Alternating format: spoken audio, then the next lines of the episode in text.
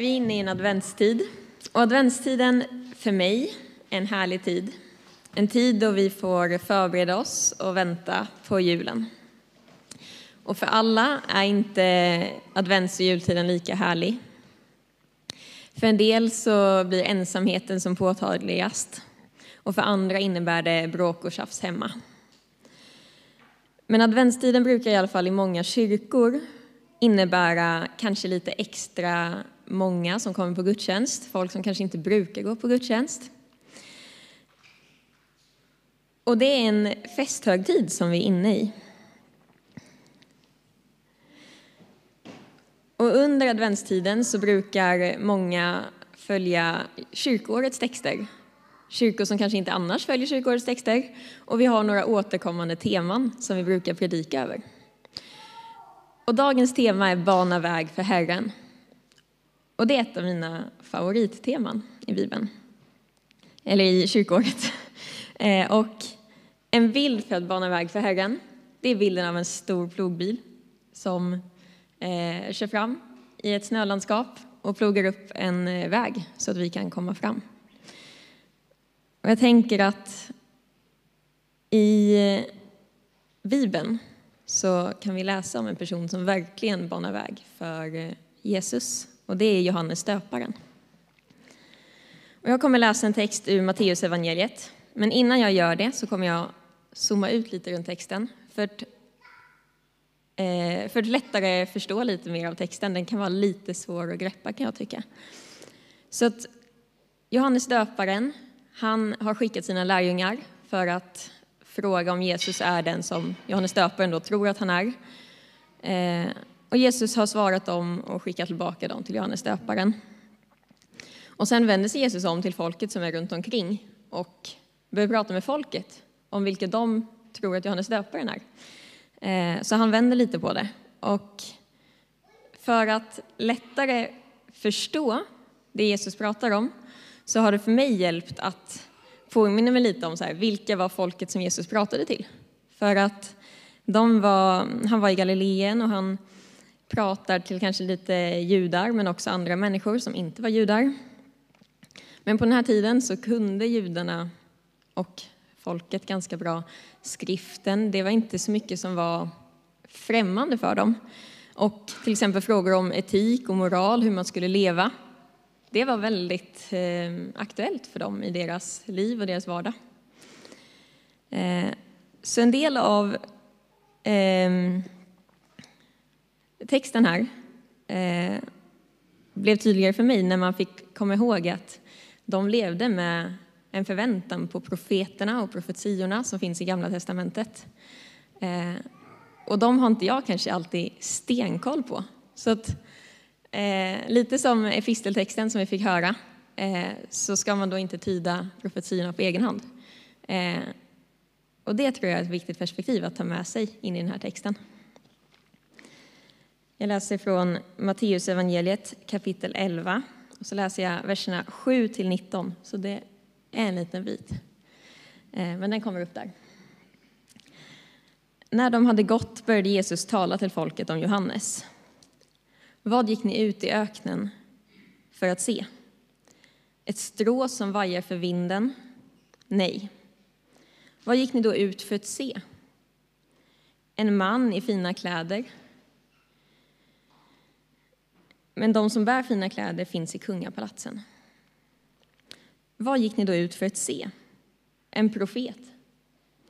Ja, och jag säger er, en som är mer än profet. Det är om honom det står skrivet. Se, jag sänder min budbärare före dig. Han ska bereda vägen för dig. Sannerligen, ingen av kvinna född har trätt fram som är större än Johannes döparen.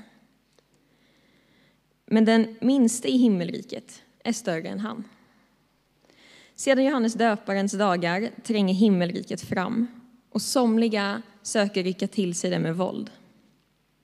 Till ända till Johannes har allt vad profeterna och lagen sagt varit förutsägelser. Ni må tro det eller inte. Han är Elia som skulle komma. Hör, du som har öron. Vad ska jag jämföra detta släkte med? De liknar barn som sitter på torget och ropar åt andra barn. Vi sjöng sorg, sorgesånger, men ni ville inte klaga. Vi spelade för er, men ni ville inte dansa. Johannes kom, och han, han varken äter eller dricker. Och då säger man, han är besatt. Människosonen kom, och han äter och dricker. Och då säger man, se vilken frossare och drinkare, en vän till tullindrivare och syndare. Men vishetens gärningar har gett visheten rätt. Jag valde att lägga till en liten text innan den här, alltså att läsa en längre, eh, en längre del av texten för att lättare hänga med i vad det är som händer. Jag har läst den här texten, jag vet inte hur många gånger den här veckan. Och när jag först läste den så fastnade det i det här med visheten. Vad innebär det? Eh, och så har jag pratat med min morfar, som är en klok man, och försökt förstå lite mer av vad handlar visheten om. Och visheten kom jag fram till att ja, det handlar om Guds vishet.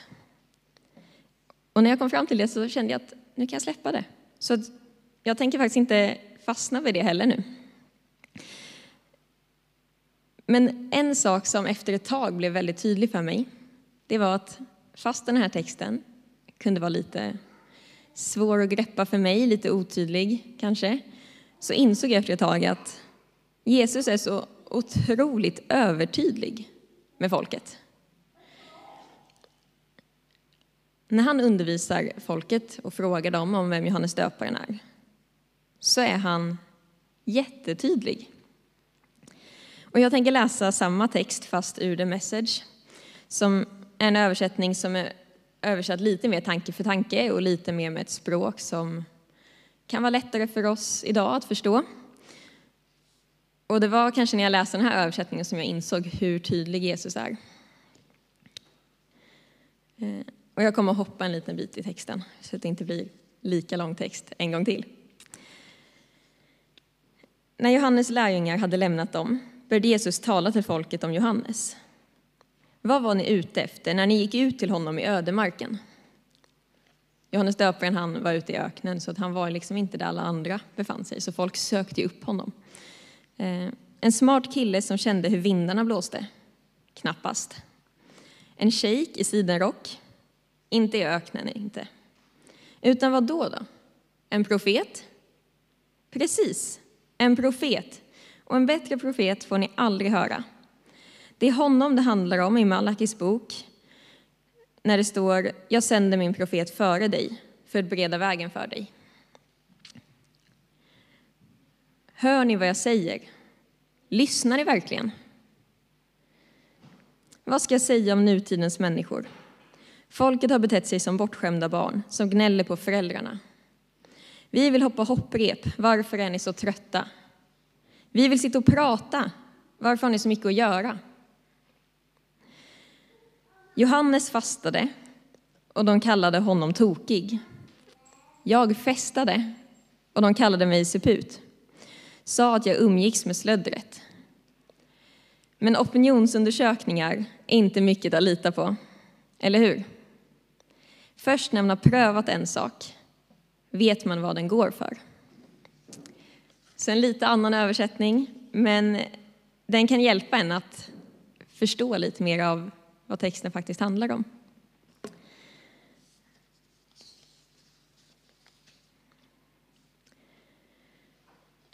Den här texten den knyter an lite till profeterna, eh, till Malakis bok, vad som står i den profetboken och eh, till Elia som man tänkte att skulle komma tillbaka.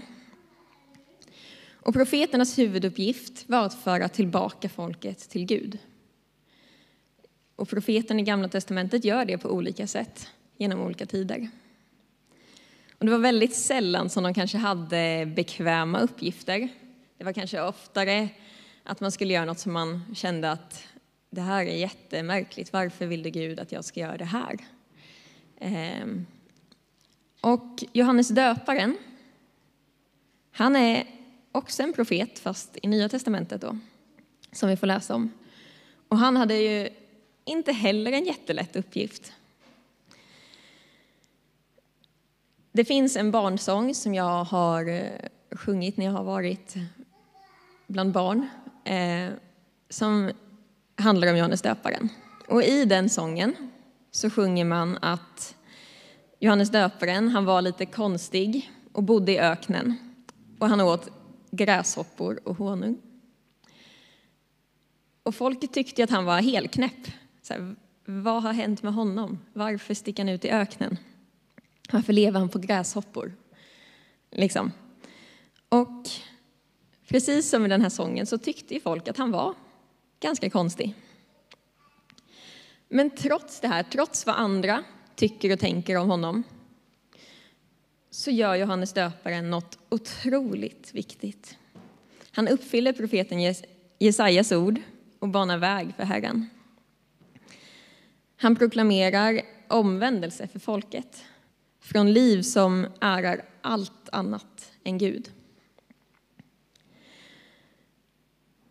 Han proklamerar omvändelse från sånt som tar plats i våra liv där Gud annars skulle kunna ha plats.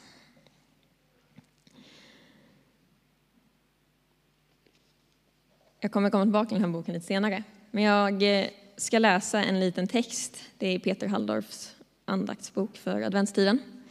Eh, och han skriver så här om eh, både Elia och Johannes. Då.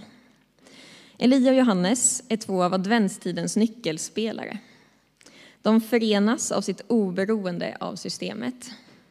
De är orädda regimkritiker, röster för en annan makt, ett annat rike, ett annat sätt att tänka och värdera.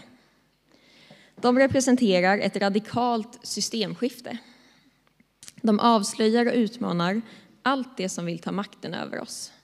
Det som vill korrumpera, förblinda och binda.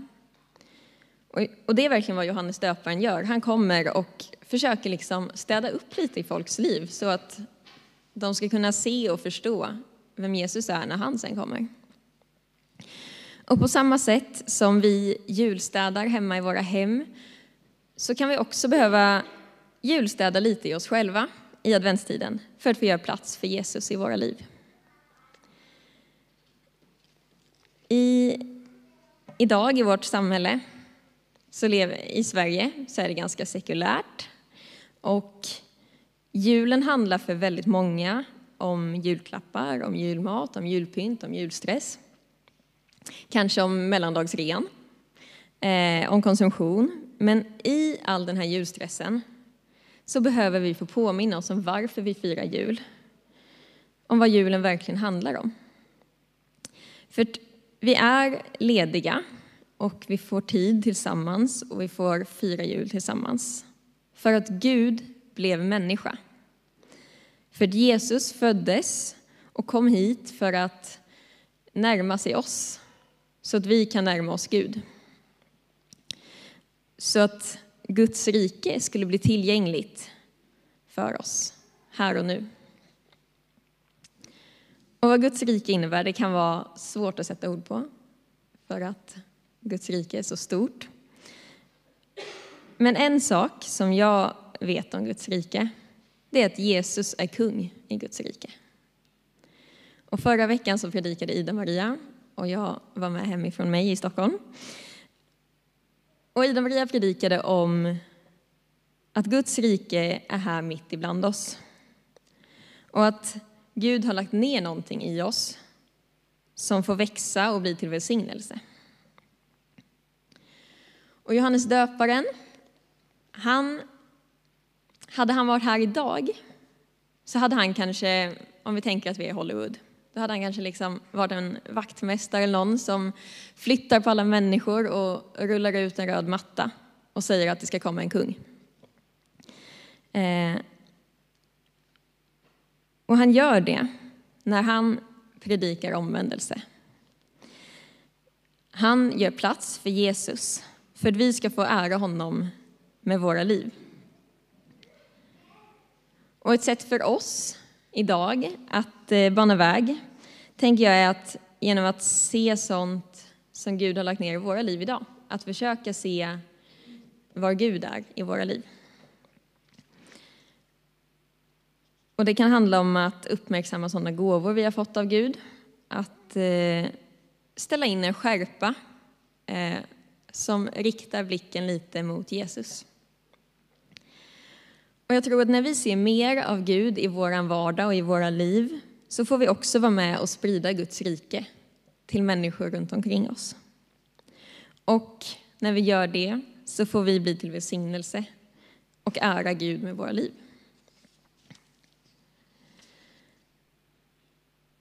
Och det låter kanske bra, men kanske lite flummigt. Och då tänker jag att hur gör vi det här rent konkret?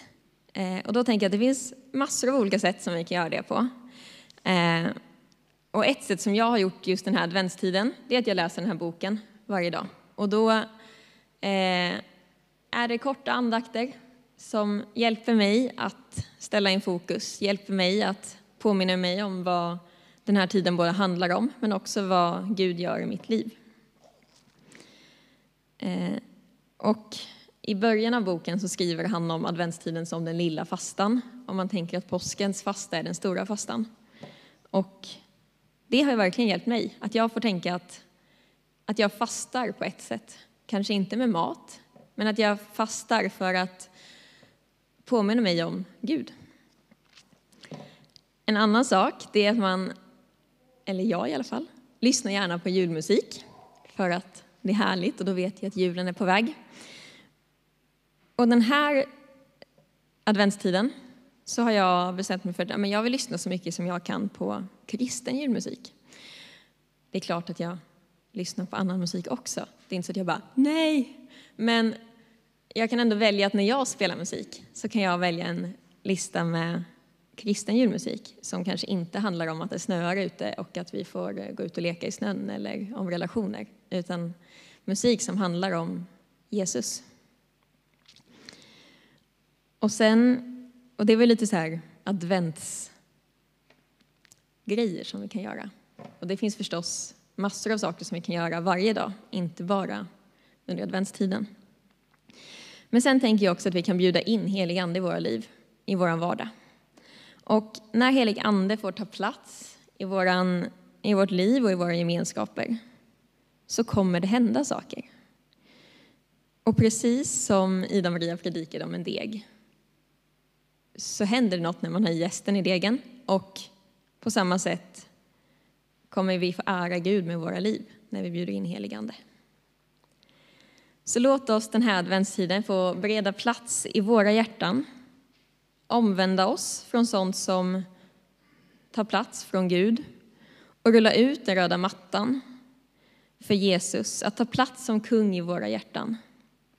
Så att Guds rike med den helige Andens hjälp får genomsyra hela våra liv och våra relationer för att Gud ska äras. Amen. Jesus, jag tackar dig att vi får fira gudstjänst, att vi får vara här tillsammans. Tackar dig att du kom till jorden för att bli människa. För att vi ska kunna lära känna dig ännu bättre, för att vi ska få leva i en nära relation med dig, Jesus. Hjälp oss att rikta vår blick mot dig och se mer av dina vägar för oss. Hjälp oss att se din vilja för den här världen. Låt oss få sprida ditt rike bland våra nära och kära, bland våra vänner och kollegor och folk runt omkring oss. Amen.